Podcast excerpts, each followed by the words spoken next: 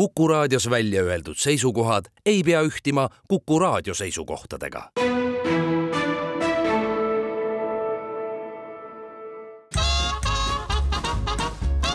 jäljed gloobusel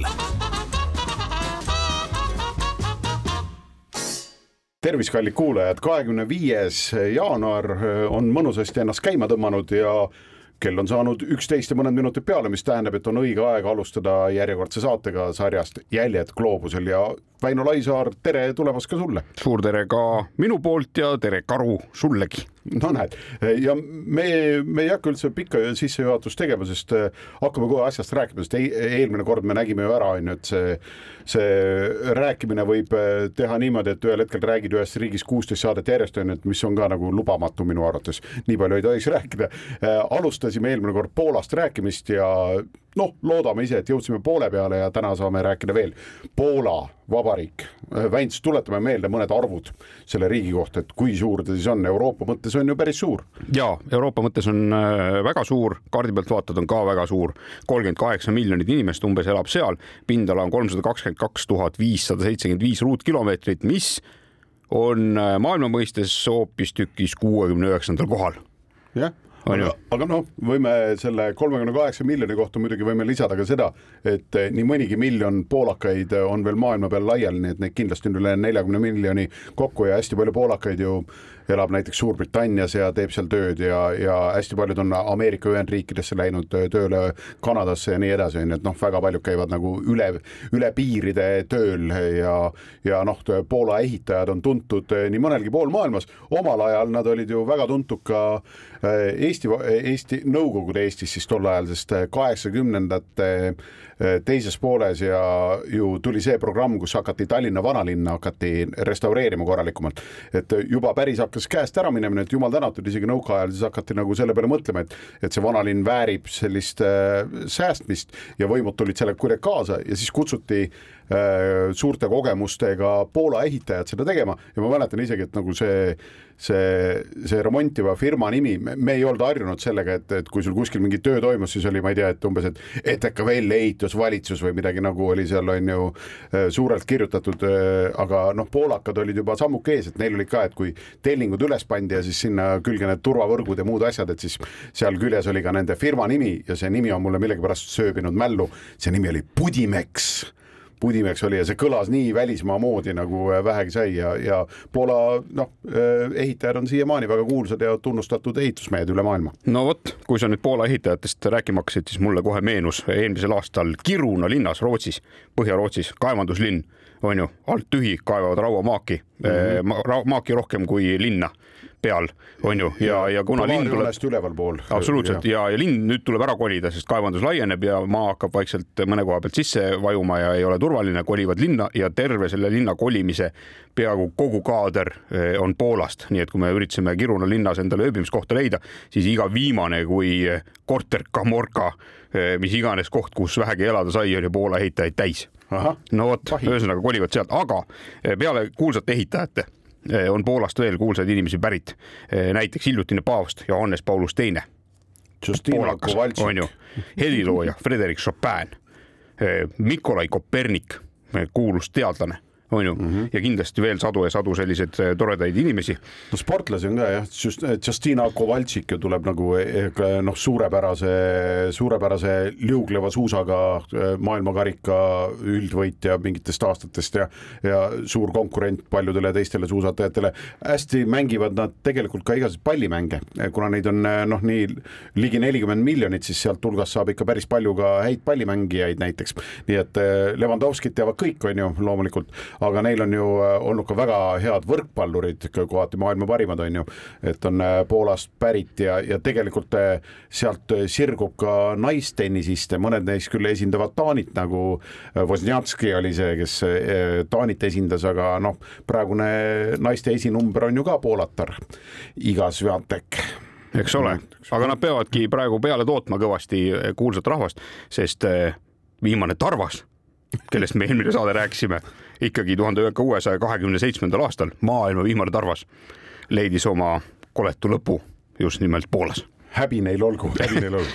aga, aga me mõtlesime, et äh, mis meil, mis meil nagu eelmine saade jäi, me otsapidi jõudsime, et üheksakümne viiendal aastal, kui mina läksin, siis me jõudsime välja sellisesse lõuna, Lõuna-Poola linna nagu Zakopane, mis on täiesti Slovakkia piiril ja tuntud selle tõttu, et ta on selline mägedes seal üks suuremaid keskusi ja, ja sealt lähedalt lähevad ka rajad üles Poola kõrgemasse tippu. Poola kõrgem tipp kannab nime Riisi, kirjutatakse Y-itega, et R-Y-S-Y.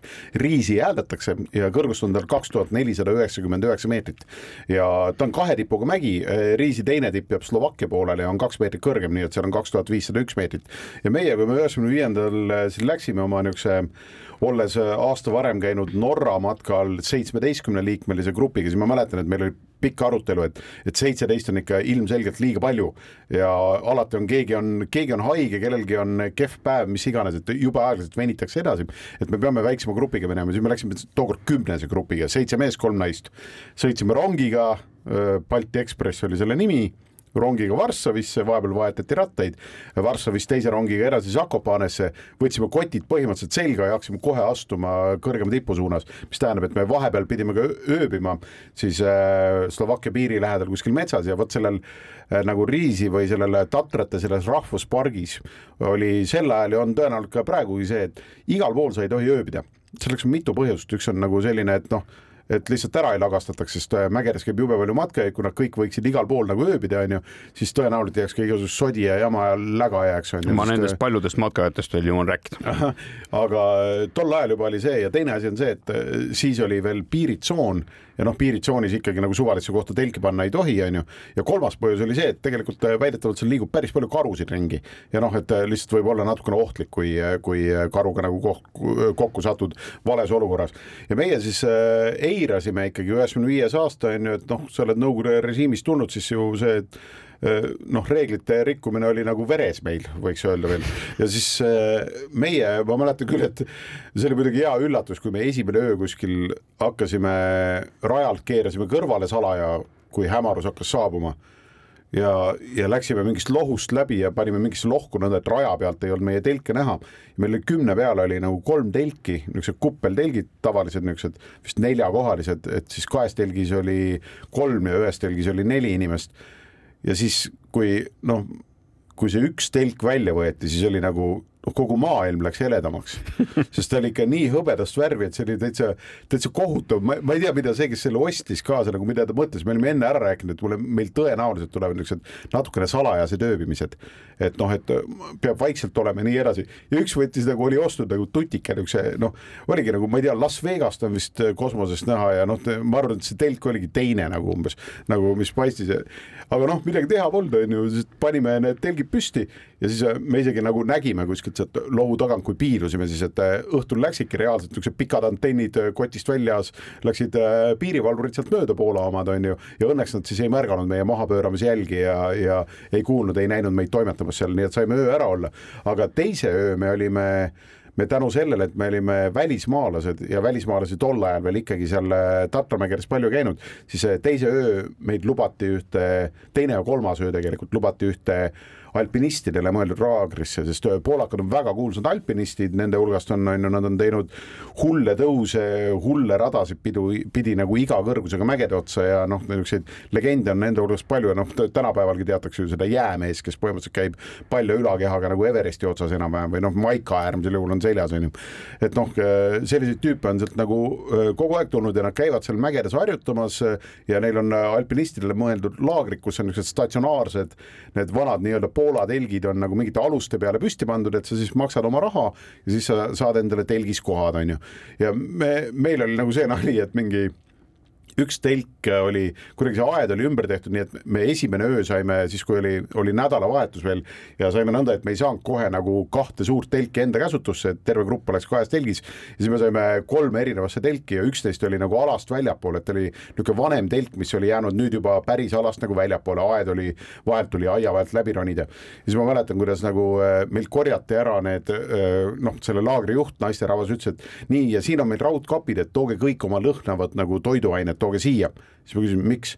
ei no, et mingid hiired või? Nad ütlesid ei, karud mis on nagu päriselt või? No ja, ja et vahel käivad onju ja noh, et tobe, kui nad telgi või mingi koti sul ära lõhuvad. USA-s on matkaradade kõrval ka sellised äh, nii-öelda parklates, sellised suured rauaskapist, kui ta autost paned kõik asjad sinna sisse ära, et äh, karumõmm vahepeal ei tule. autot rüüstama. ja, jah, ei, ei tule ja ei sõida kuhugi. ja siis ma mäletan, et me tegime veel, no õigemini noh, mis me, vaid me, mina ühel hetkel olingi nagu umbes on, et ei no mis asja, et noh, lähme siis pildistame karu jälge onju, et lähme otsime siis, kui, kui on karusid, siis peab ka jälgi olema. siis ma läksin sellest aia taga olevast äh, nagu telgist läksin mingi neli sammu eemale ja seal see esimene oli nagu, siis oli nagu selline, et opa, siis käidi korra veel, käidi selle äh, noh, laagrijuhi juures ja viidi noh, et pärast seda igaks juhuks viidi ka konservid sinna peitu nagu, et siis nagu kõigil tuli see reaalselt nagu silmad läksid suureks ja tekkis see väike hirm. aga noh, kuidas me Riisi tippu läksime, sellest juba pärast väikest pausi. jäljed gloobusel nõnda, hää kuulaja, paus läbi, Karu ja Vents on stuudios, Jäljed gloobusel on saate nimi ja sellel korral teeme oma jälgi Poola.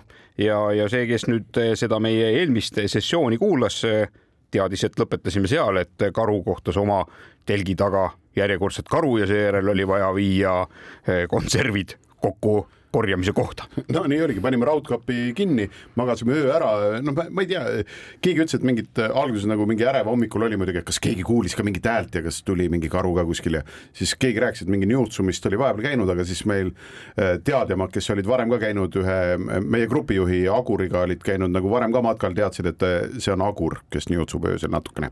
nii et äh, siis tervitan siinkohal Agurit, oma esimest nii-öelda matkajuhti, aga läksime siis Poola kõrgemasse tippu tippu, nagu öeldud, peaaegu kaks tuhat viissada meetrit, meetrik alla selle. ta on äh, niisugune, see on hästi tore rada. Äh, ta algab tegelikult niisugusest alt suurest mingist parkimisplatsist, kuhu auto pannakse ära, mõned slotid maksad ja siis sa, sul on kaks valikut, et kas sa tahad mööda asfaltteed äh, jalutada, siis ma, ma pakun, et mingi võib-olla viis-kuus-seitse kilomeetrit nagu ülespoole ühe restorani juurde, ühe järve äärde kus siis eh, nii-öelda asfalttee lõpeb või siis teine võimalus on, et kes on väsinud, need saavad kasutada, et seal ka hobused veavad sind mingite vankritega nagu üles. ja kui tahad, sa ka alla tulla, et noh, lihtsalt selle eest peab maksma, meie muidugi ei mingi hobuse peale ei istunud. ja pole, ma olen seal kolm korda käinud selles Riisi tipus ja ükski kord pole hobuste teenust kasutanud, vaid iga kord nagu ise sammunud. hästi mõnusa nurgaga tee on ju, mis läheb üles ja, ja kui ta jõuab selle alumise järve äärde, seal on kaks järve nimelt, siis selle koha nimi on Morskie Oko ja seal on siis ka niisugune koht, kus on võimalik ööbida ja Morskia Oko tõlkes tähendab tumedad silmad. parklast on kaheksa kilomeetrit sinna ah,. kaheksa isegi, noh, tundub lühem jah, aga siis Morskia Okos tumedad silmad on sellepärast, et äh, kohe selle restorani juures, seal kuhu äh, tee välja viib asfalttee nii-öelda, seal kõrval on üks äh, järv, niisugune ümarramm ja kui sa tõused paarsada meetrit kõrgemale rada mööda, mis pärast seda sealt järve äärest hakkab juba niisugune matkarada pihta, siis paarsada meetrit kõrgemal on teine järv, mis on ka selline ümar. Ja kui sa omakorda tõused nagu veel niisugune tuhatkond meetrit kõrgemale ehk siis Riisi tippu, siis seal tipu lähedalt ülevalt alla vaadates tunduvad need nagu sellised tumedad silmad, sest nad on tavaliselt päikese eest varjatud, sest mäeküljed kõrged on kõrval päikse pool servas. ja siis ta ongi selle järgi saanud oma nime Tumedad silmad, Morski Oko. ja vot siis oligi, et eh, hakkasime sealt eh, järve äärest vaikselt minema ja kuna esimene kord, kui ma käisin, oli augustikuu, siis see oli muidugi tohutult ülerahvastatud, hästi palju ka noh, niisuguseid üheksa ja kaheteistaastasi lapsi, sest iga poolakas peab seal vähemalt neliteist korda elu jooksul, vähemalt nii tundus, on ju, ära käima seal tipus, Riisi tipus. ja, ja seal on, muidu on ta nagu väga lihtne rada, lihtsalt ohuks ongi see tohutu liiklus, mis seal on sest seal vahepeal on niisugused kaljusemad äh, lõigud, kus on ka ketid pandud nagu julgestuseks kaljude sisse, millest saab kinni hoida siis, et äh, saada. Ja seal võib tekkida lihtsalt see, et noh, enamus nendest noh, on esi-, kes seal kõnnivad, on esimest korda mägedes, nad ei tea ka reegleid, et kes laseb keda enne kuhu, on ju, et noh, reegel on see, et ikkagi ülevalt alla lastakse enne sellepärast et ülevalt alla tuleb kiiremini, on ju, et siis noh, peab vähem ootama see ja hingeldab natukene on ju ja saab oma hingamise paika ja liigub tänu sellele kiiremini edasi, et seetõttu ülevalt lastakse alla nagu varem. ja noh, sellest reeglist keegi ei tea midagi ja lisaks noh, sai selgeks ka esimesed poolakeelsed sõnad, mis ma õppisin, oli uvaga kamni, mis tähendab ettevaatust, kivid ja noh, üsna loogiline, Kamni nagu noh, vene keelega sarnane on ju. ja see oligi sellepärast, et kui ülevalt ke kellegi hooletu jalg jälle mingi kivi lükkas allapoole, siis selleks, et mitte surma saada, siis tihti tuli varjuda just nimelt alla kukkuvate kivide eest, mis sealt kaljusid mööda tulid. Õnneks seal nagu niisuguseid suuremaid varinguid eh, ei saa väga toimuda, sest aga pigem niisugused üksikud kivid, sest kaljud on üsna stabiilsed seal. ja vaikselt tiksusime sinna ülespoole ja kõik kümnekesi olime mingil hetkel siis Poola kõrgemas tipus. rõõm oli suur, minu jaoks oli see ma tol ajal veel teadlikult nii riikide kõrgemaid tippe ei kogunud üldse, et see, see mõte mul tuli esimest korda käis pea aastake hiljem, aga äh, reaalselt hakkas toimuma alles üheksa aastat hiljem, on ju, hakkasin sellel nimel toimetama. aga ta oli mul iseenesest järjekorras, siis oli äh, kolmas riigi kõrgem tipp pärast Eestit ja Norrat, äh, oli siis Poola, Riisi. ja, ja ma olen sinna sattunud kaks korda veel, et pärast esimest korda, siis teist korda ma sattusin aastal kaks tuhat kuus, kus me olime neljakesi koos Veiko Tääri siis äh, tädipoja Enro ja siis äh, sõbranna Sigridiga käisime ka seal, aga siis me käisime sügisesel ajal ja siis oli selle Ülemise järve juurest edasi oli juba kogu rada oli lume all. ehk siis seal oleks oluliselt mõnusam olnud äh, kassiga kõndida, ehk siis kui, kui suvel, suvel on seal väga mõnus, ütleme niimoodi, et jaanipäevast kuni septembri lõpuni saad noh, korraliku matkasaapaga üles, siis noh, maikuus näiteks minnes on ju no ei ole üldse nii tore või võib-olla see oligi, et me käisime mais, mitte sügisel, et pigem käisimegi maikuus on ju, et siis ei olnud veel lumi ära sulanud. ja viimane kord ma sattusin sinna, jah, viimane kord oli, kus ma kaks tuhat üheksateist äh, oli ka Riisiotsa tore minek oli selles mõttes, et äh, ma olin just ostnud endale uue vana Saabi üheksa kolme ja tundus, et see on selline, et nagu peaks minema ikka kiirteedele kohe hullama sellega.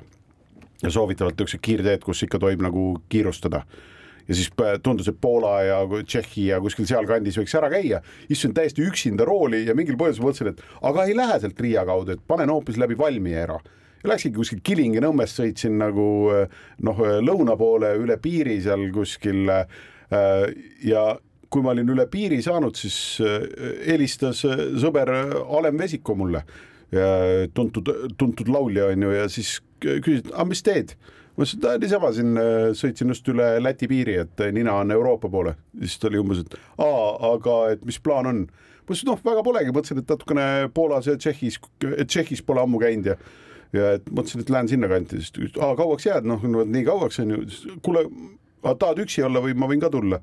ei muidugi võid tulla, keeran otsa ümber või? siis ta ütles, et oota ära keera, et ma helistan sulle tagasi siis helistas umbes kakskümmend minti hiljem tagasi, ütles kuule, kas sa ülehomme kell kolm päeval äh, Varssavis mul äh, lennuki vastas saad olla või?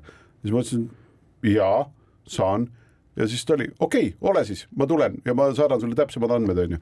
ja nii oligi, et äh, läksin Valmierasse, magasin ühe öö seal ära, siis oli nii tore, et ma esimest korda elus tegin Kaunases pikema peatuse pärast seda, et tutvusin ka selle linnaga, suurepärane linn on ka Kaunas, onju, kust me tavaliselt lihtsalt mööda sõidame, onju Äh, olin teise öö Kaunases ja siis äh, kohtusimegi ülejärgmisel päeval siis äh, Aleniga siis Varssavis. ma tegin veel mingi sildi tegin nagu, kui ta tuli, et ma panin võimalikult poolapäraselt tema nime, et panin mingi Alen ja mingi Vjezikovski või noh, võimalikult palju kaksikveesid ja, ja Z-e ja nõnda, et kui ta alguses nagu silmad üle lasi, siis ta ei, ei tundnudki ära, et ma pidin tükk aega temaga kaasa kõndima selle sildiga, siis ta lõpus nagu märkas. ja siis me, Alen ei, ei olnud seal nagu mägedes roninud, nii et me käisime siis ka kahekesi taaskord Riisi tipus ära ja see oli, meile sattus nagu tohutult ilus mingi oktoobrikuu ilm, kus nagu reaalselt ei oleks tohtinud enam nagu lihtsalt saapaga üles saada, ei oleks pidanud olema seal üleval väga-väga külm, aga tegelikult oli päike selline soe, tore ja üks äh, ilusamaid elamusi nagu Tatramägedest mulle tuli sealt ja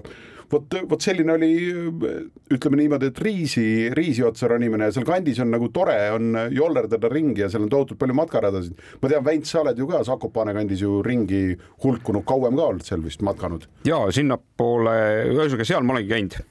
ülejäänud Poolas olemised on tegelikult olnud see, et mingisugune öö Varssavis ja, ja siis natukene linna peal ja, ja jälle kuhugi suunas edasi üks koht, kuhu ma kindlasti olen plaaninud minna, on, on ikkagi seal nii-öelda Põhja-Poolas mere ääres on ju, on, on see ilus linn, mille nimi mul nüüd praegu kohe Gdansk või? Gdansk just mm -hmm., ammu-ammu võtan hoogu, aga ei ole saanud ja, minu kolamised ongi pigem jäänud sinna allapoole ja, ja kui nüüd kedagi huvitab, et kus kohas see Sakopane ikkagi on, siis, siis tegelikult on nii, et kui sa paned näpu eh, Krakowi peale mis on seal suhteliselt Lõuna-Poolas, siis sealt Krakowist allapoole tuleb ka see Zakopane ja minu meelest see Krakowi ümbrus on üleni üdini äge ja seal on, seal on teha palju ja, ja ta on ka selles mõttes nagu meie siitpoolt, siit sellisest nii-öelda tasasemast maast minema hakates ikkagi läheb juba ägedaks, on ju, tulevad esimesed mäed, tulevad suuremad künkad.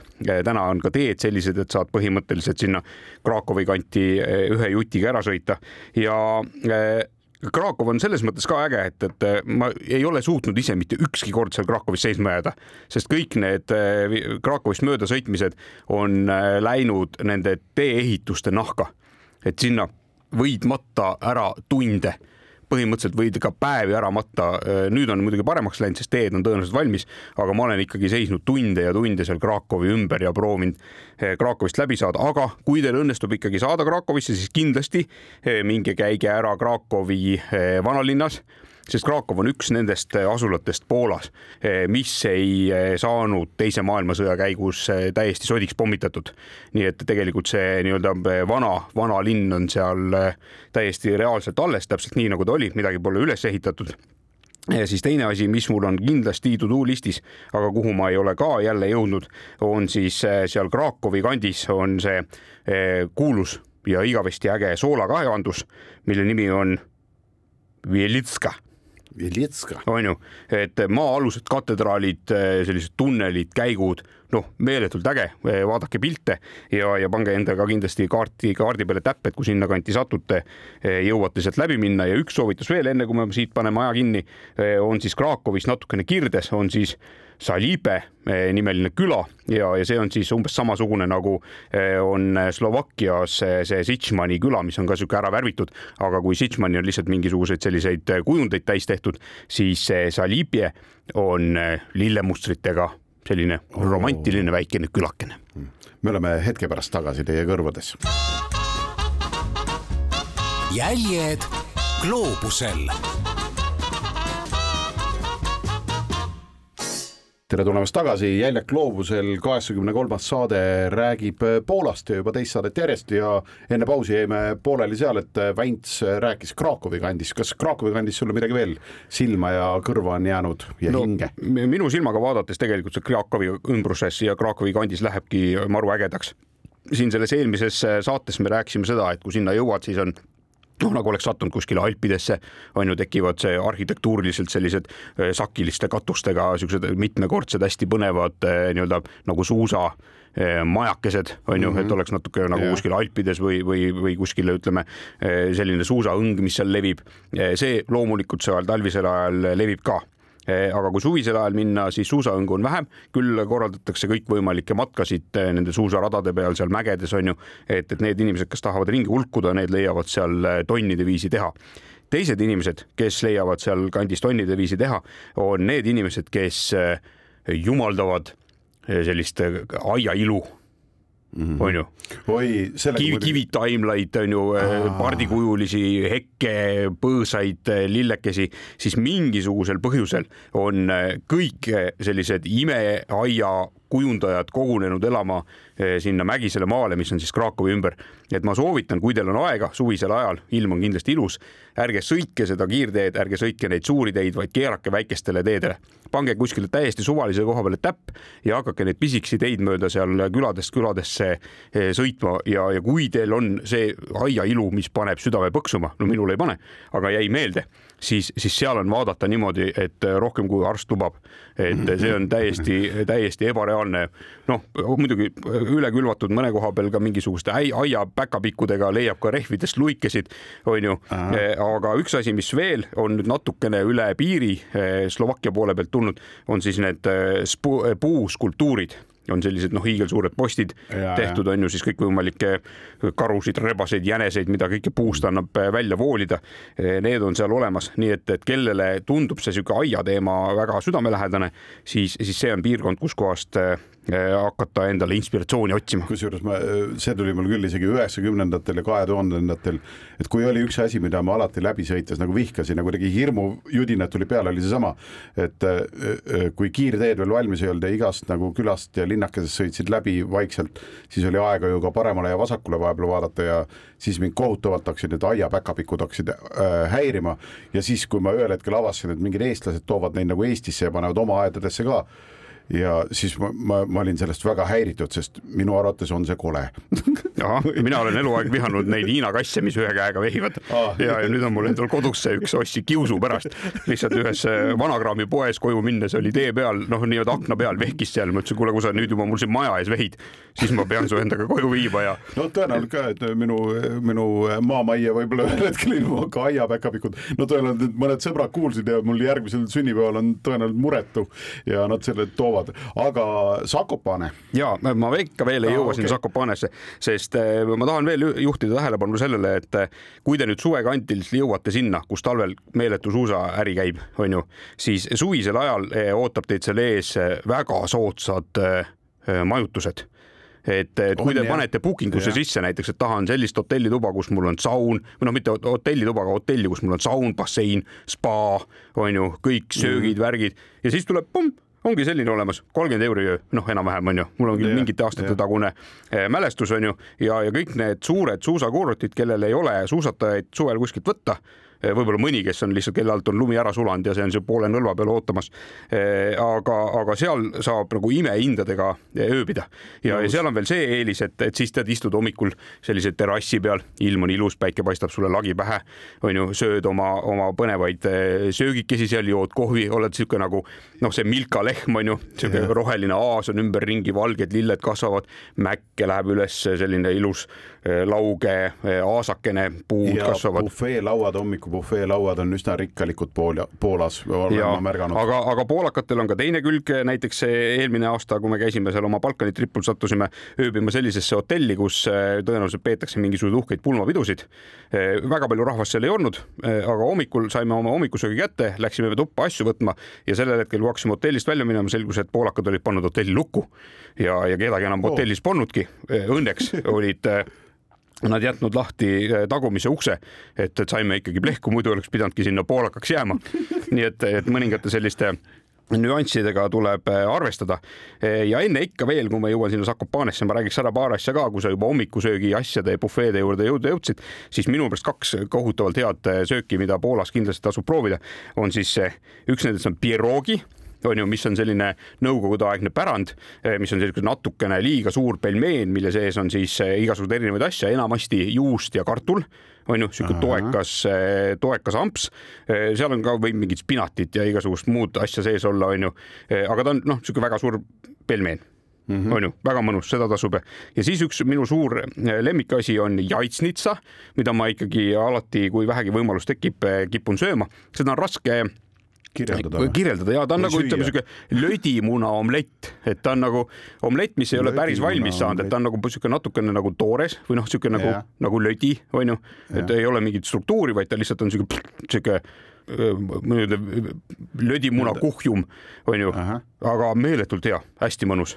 Ja siis mm üks traditsiooniline söök on veel selline, mille nimi mul meelde ei tule, sest ma ei ole ise kunagi seda söönud, on niisugune seajalg, mis on noh, koos kõikide, koos nahk ja kont ja, ja kõik asjad onju. Ma ei ole seda söönud sellepärast, et see on umbes minu suur, pea suurune tükk, noh, mis seal taldrikul on, onju.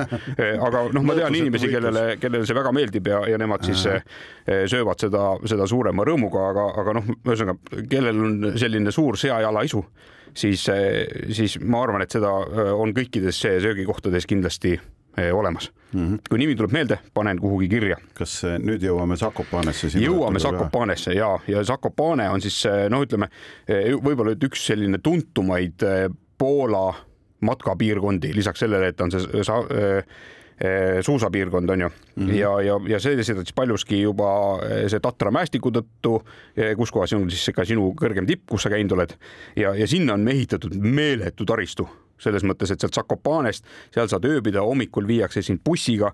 üks kõige kuulsamaid piirkondi seal matkamiseks on siis välismaa keeles Five Polish Pound Valley, mis on siis nii-öelda nagu viie tiigi või viie väikse järvekese matkaradasid ja seal on siis kokku Poola poole peal üle kahesaja seitsmekümne kilomeetri erinevaid matkaradasid ja, ja kui meie olime oma selle Balkani tiiru ära teinud, me plaanisime tegelikult igas riigis matkata, siis äh, juhtus nii, et äh, igas riigis, kus me plaanisime matkata, oli üle kolmekümne kraadi sooja mm. -hmm.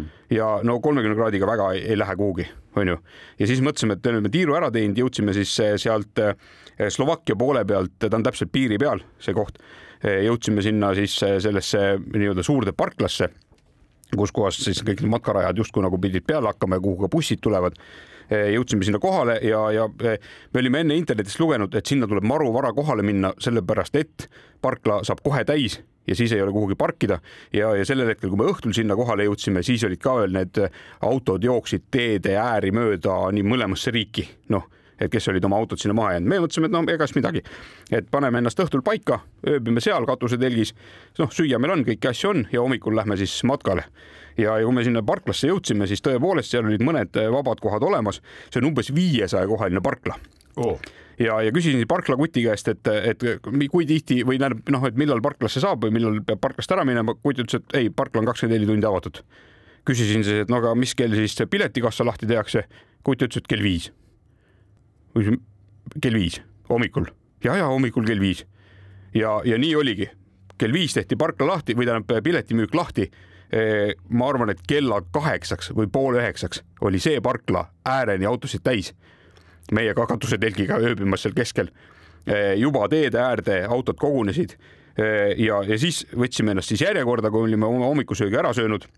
pilet, kaks inimest ja selline kaart, mis ei hävi märja käes, no niisugune nagu kergelt kiletatud kaart, matkaradade kaart, maksis kokku kaheksateist kohalikku raha, noh slotti.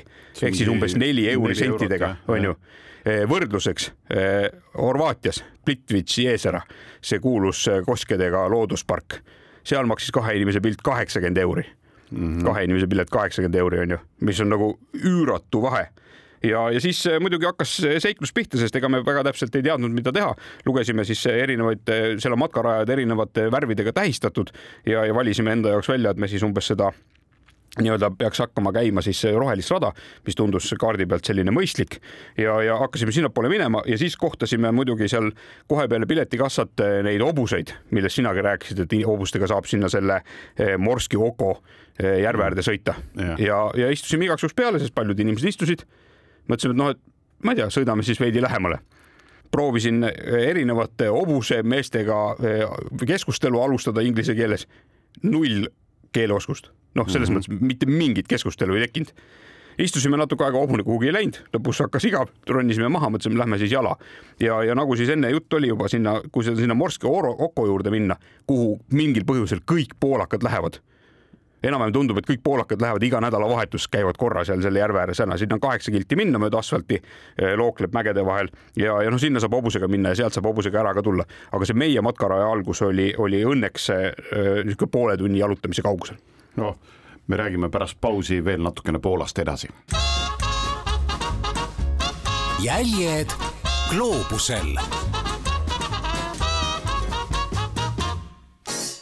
oleme tagasi, Jäljak gloobusel räägib äh, Poolast ja hakkame otsi vaikselt kokku tõmbama, kaks saadet on juba sellest riigist räägitud ja Vänts sai pooleli seal, et äh, hüppasite mingil hetkel hobuste pealt maha ja siis panite jalgsi edasi rohelist rada mööda. ja sest hobune ei läinudki mitte kuskile, seisis seal ja ootas, millal vanker täis saab, aga me ei viitsinud oodata. ja, ja kuna keegi aru ei saanud, et kuhu me tahtsime minna ja, ja keegi ei osanud meile seletada, et kas me saame poole tee peal maha minna, et oma matkarada alustada, siis, siis nii ta jäi, panime minema, õnneks oli üks pool tundi natukene võib-olla peale sellist kerget lauget teed mägedesse jalutada ja siis hakkas matkarada pihta. aga mida ma tahan veel öelda, need inimesed, kes sinna lähevad, see parkimiskord on seal selline et kui sa lähed sinna parklasse peale kaksteist või noh, null nulli öösel, siis on kõik hästi siis sa saad selle päeva pileti ja sa saad terve selle päeva olla seal ja õhtul ära lähed, siis on su kuusteist euri parkimistasu. kui sa lähed. kuusteist lotti. kuusteist euri. euri jah? jaa, kuusteist ah, okay. euri. Eh, kui sa, parkimine on kallis, aga matkarada ise on odav, onju, et kui sa lähed enne kahteteist sinna, siis sa pead. kahe selle... päeva eest maksma. ja ei, siis on nii, et sa sõidad sisse on ju, maksad kuusteist euri ära, tegelikult pead hommikul sõitma parklast välja otsa ringi keerama ja uuesti sisse tagasi, et siis hakkab see järgmine kuusteist euri, mis lubab sul välja sõita. meie kavaldasime ennast üle, poolakad ka, kuniks, on ju, et ei sõitnud välja, sest meile tundus, et kui ma praegu sõidan välja hommikul mingi üheksa paiku, kui parkla oli juba täis, siis ma ei saa tagasi mm -hmm. enam sinna. ja siis mõtlesime, ah Savi, tegeleme probleemidega nende tekkimise järjekorras, on ju. ja aga me ei saanudki pärast, värav ei läinud lahti, seal on see mingi numbrilugejaga värav ja siis oli vaja seal natuke klaarida, jälle maksta see ühe päeva jagu justkui nagu ära, onju, ja siis me saime välja, nii et, et sellega tasub arvestada. et oodake seal see keskööpunkt ära värava taga mm. ja siis sõitke sisse, kui teil on plaanis seal ööbida, aga seal on hea turvaline ööbida, on WC-d ja kõik asjad. nii, nüüd matkarajale. ühesõnaga, me olime see kõik need kümme päeva võtnud aega hoogu, et minna matkale ja siis mõtlesime, nüüd teeme siis kogu matka ära ja, ja siis läksimegi matkale, roheline matk, roheline rada, noh, seal tuhat erinevat rada, valisime rohelise enda jaoks ja hakkasime siis minema. põhimõtteliselt ainult mäkke noh, ma võib-olla ei olnud päris valmis selleks. Ja, ja siis lõpus, kui me jõudsime siis välja eh, sinnasamasele Morski või Morski Oro juurde, kus see matkarada ja Ohko oh, just, eh, kuhu see siis see matkarada lõpuks nagu mingisuguse hullu ka, kaarega välja jõudis, siis see kell näitas, et me olime käinud kakskümmend üks kilomeetrit. Eh, selleks me olime ära kulutanud seitse tundi ja kakskümmend üks minutit ja selle käigus teinud üheksasada kolmkümmend neli tõusumeetrit, mis on absoluutselt minu äh, elurekord äh, nii-öelda mäkke üles minna. Ja küll oli, küll oli raske aga tead, äh, mingil hetkel ja, aga mingil hetkel saad aru, et see, see, see raskus ja see, see valu ongi see, mis meelde jääb Mm -hmm. et oleks lihtsalt kakskümmend kilti kõndinud äh, Paidest kuhugi suunda onju või noh, ükskõik, ma ei tea, mis Paide jälle on. no Paidest Türile ja tagasi. jah no., onju, siis võib-olla ei oleks nii palju olnud äh, nagu meelde jäänud, aga hästi mm -hmm. äge ja, ja mis oli niimoodi hämmastav ja natuke ehmatav oli see, et kui me sealt piletikassa juurest hakkasime siis sealt hobuste kõrvalt liikuma, see oli meeletu mass, kes kõik läksid sinna selle järve juurde, mida Morskie Oko. no vot, on ju, kuhu kõik poolakad lähevad iga nädalavahetus on ju, mingil põhjusel nad tulevad sinna ja lähevad kõik sinna. E, ja mida siis, kui me matkarajale ära keerasime, siis oli ka alguses palju rahvast, aga mingil hetkel, kui me olime võib-olla juba kümme-viisteist minutit liikunud, siis me saime aru, et me oleme ikkagi füüsiliselt natuke võimekamad kui need tavalised tossudega inimesed seal. et sinna mäge, noh, mägedesse, mida edasi me läksime, seda harvemaks inimesed jäid. noh, lõpuks mm. ikkagi jõuad mingite ägedate mägede ja, ja koskede ja, ja järvede juurde välja, kus on sellised nagu puhkepeatused, et seal inimesi oli, aga rada oli nagu suhteliselt tühi, aga alguses ehmatas küll ära, et kas päriselt mm. siin on praegu. no niisugune laulupidu. ja nii, nii kaua, kui silm seletab, sa näed, et sul on umbes mingisugune ütleme, sada viiskümmend inimest läheb sinu ees. ja no mitte laulupidu, vaid laulupeo rongkäik nagu täpselt niisugune tunne on nagu. aga need õnneks hargnesid seal ära ja see noh, see territoorium on muidugi, muidugi meeletu ja, ja, ja, ja siis, kui me lõpuks sinna selle järve äärde jõudsime, eh, võtsin siis eh, meelelahutuseks endale kohe eh, nii-öelda premeerimiseks ühe kohaliku kange Gazioli õlle sellise tume kui kurat. ja aga keha oli selleks hetkeks juba jõudnud selle, nende tõusumeetrite ja matkaga sinnamaani, kus keha ütles, et ei. Et ei tahtnud seda õlut tema endas näha. Ja, ja siis üle poole pudeli panin ilusasti prügikasti ära ja, ja jäi minust joomata. Ja siis me mõtlesime, et kas me läheme siis hobusega tagasi. mõtlesime, et ei, et nii ei ole ka aus, et kui me juba siia tulime, siis me võime see kaheksa kilomeetrit mööda seda eh, nii-öelda eh, laugelt allapoole minevat eh, asfaltteed alla minna, aga seal on ka oma oht, et inimesed, paljud inimesed tulevadki nende hobustega sealt alla. Ja hobune, noh, ei, ei, ei ole võib-olla nagu liiga hea piduritega loom, eriti kui sul on selline mingi kakskümmend inimest seal vankriga tema külge seotud. vankril on ka pidurid olemas, aga noh, ühesõnaga see pidurite krigin, see mingi puupulgaga vastu ratast pidurdamine, see on mul elu lõpuni meeles, kus tagant jälle tuli see ja siis tõmbad nii tee äärde, kui saad, et mitte selle suure ja raske koleda vankri alla jääda. see jättis nii sügava mulje, et kui nüüd vähegi võimalik on siis järgmine aasta ikkagi tahaks eh, minna sinna eh, teisi matkaradasid tegema ja, ja siis võib-olla jääda juba sinna paariks ööks, aga, aga noh, nüüd on nii palju kogemust olemas. tasub igal juhul jah. Eh, ma mõtlesin ka, et vaata üks kant, millest eestlased vähem teavad, on vot see Läänemere äär, sest noh, sa enne Gdanskit juba mainisid, et sinu to do listis on ta, mina olen Gdanskis käinud ja ma sattusin sinna aastal kaks tuhat viisteist ja talvisel ajal täiesti nagu detsembri lõpus ja väga lihtsal põhjusel, et ma kunagi äh, juhtisin ühte saadet nimega Merevaade, noh, tegin seal nii-öelda reporterina aeg-ajalt äh, mingit kaastööd. ja seal niisugune Alar ja Piret Müürisepp äh, produtsentidena seda tootsid ja siis Alar ühel hetkel ütleski, et kuule, nüüd on vaja minna Poola. et igasugused skandaalid ja muud asjad, aga meie lähme nüüd filmima, kuidas äh, Saaremaa vahet hakkab sõitma varsti praam nimega Töll ja selle veestamine on, ehk siis nagu kai pealt lükatakse ta nii-öelda vette esimest korda seal Gdanski laevatehases.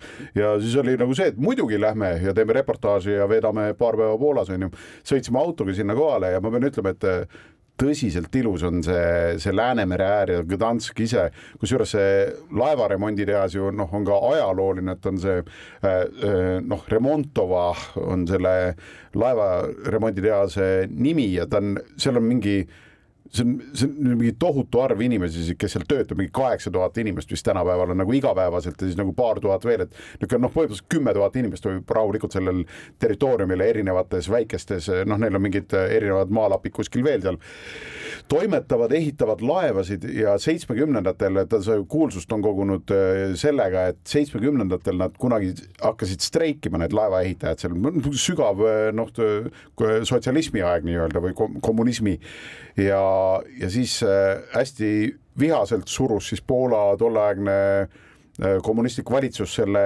streigi maha, aga kuidagi see viis need, äh, seal loodi siis ka esimene selline ida, idabloki riikide ametiühing loodi põhimõtteliselt äh, sealsamas nimega Solidarnost, niisugune liikumine tekkis seal. Ja Solidarnost äh, siis viis nagu asja selleni, et kaheksakümnendatel laevatehase juhtkonnaga kirjutati alla lepingud ja tekkis esimene niisugune ametiühing üldse Ida-Euroopa riikides. Ja üks selle eestvedajaid oli hilisem president Lech Walesa kes siis oli ka remonditehases täitsa töötav inimene. Ja seal siis nagu äh, me läksime siis, meie läksime siis noh, siis oli just see Tallinna Sadama skandaal on ju, et mingid altkäemaksud olid ja kõik need nüüdseks po pooled nendest juhtudest on noh läinud teisele poole ära, aga aga noh, et siis nende nende skandaal oli täies hoos, aga noh, ega remonditehases tehti ikkagi ehitati laeva edasi nii-öelda Remontova tehases ja siis, siis läksime seda ja saimegi need kaadrid sellest, kuidas Töllu kere nii-öelda vette sõits, nii et mul on alati, kui ma Saaremaale oma vanemate juurde sõidan, siis kui Töllu peale saan, siis niisugune natukene eriline side, side on selle laevaga, et ma olen näinud teda ka siis nagu päris algfaasis on ju, sest noh, kui kaks tuhat viisteist lõpus ta lasti vette, siis kaks tuhat seitseteist oli alles see, kus ta nagu liinile jõudis, nii et noh, peaaegu kaks aastat no, veel. pikk maa oli tulla ka. jah, ja noh, jah, ja tegelikult selline, kusjuures ma hakkasin üldse mõtlema, et on niisugune et laeva kohta nagu, et, et see töll, ma vaatasin ka, et on sada neliteist meetrit pikk, on ju, ja ma vaatasin, et ta kiirus on viisteist sõlme, siis ma mõtlesin, et ma ei ole kunagi nagu endale lahti mõtestanud, et kui palju see üks sõlm on. üks sõlm on siis üks koma kaheksa, viis, kaks kilomeetrit tunnis ehk siis noh, kui viisteist sõlme, siis arvutades ümber, siis tippkiirus Töllul on kakskümmend seitse koma seitsekümmend kaheksa kilomeetrit tunnis, nii et veidi alla kolmekümne kilomeetri tunnis. et noh, käisin seal, Gdanski vanalinn jäi mulle väga meelde, et väga ilus, korras. kui hüpata nagu tänapäeva üldse, et noh, ma olen käinud nüüd ka Ukrainas läbi Poola nii eelmisel aastal kui üle-eelmisel aastal et Lublinis olen ööbinud mõned ööd seal Poola piiri lähedal või Ukraina piiri, piiri lähedal.